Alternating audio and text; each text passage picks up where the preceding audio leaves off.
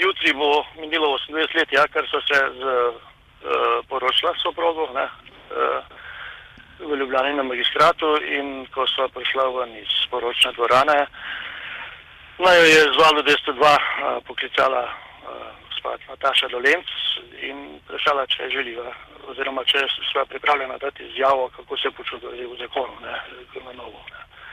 In uh, pred, dan predtem, kot vem, je pa bil začetek hvala 202. Ne? Tako da v bistvu uh, praktično praznujem skupaj obletnice. Ne? Uh, vedno se spomnimo na uh, to, uh, na ta intervju, ko kar stalno tudi poslužujejo vaj 202. Ne?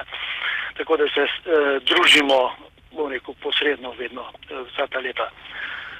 Tako Potem in da. desletnici uh, Vala 202 je pa ponovno uh, poklicala gospa Nataša Naju in smo ponovno uh, pa uh, spregovorili nekaj besed in tudi uh, so nama zavrtili študija uh, ne, dve pesmi. Ja, in kakor, kakor vem, je imela tukaj zraven uh, prste v mestu tudi vaša hčerka. Takrat ob 200-letnici je to organizirala na skrivaj, ja, v kontaktu je bila z uredništvom ne, oziroma z gospod Natašo.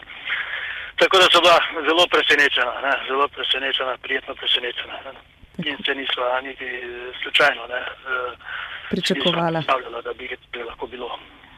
Ja, obletnico, ki jo ima sicer Val 202 danes, 16. junija, pa bomo mi dostojno proslavili naslednji petek, ko se bomo z Ja. vlakom odpravili proti Štanjelu in ta naš izlet bomo prenašali tudi preko radijskih valov.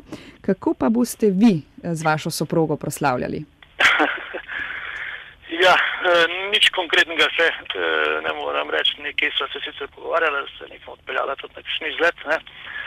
ampak verjetno bo, kad danes je eh, ugotovila, kaj bo počela. Verjetno pa nekaj bomo v družinskem krogu.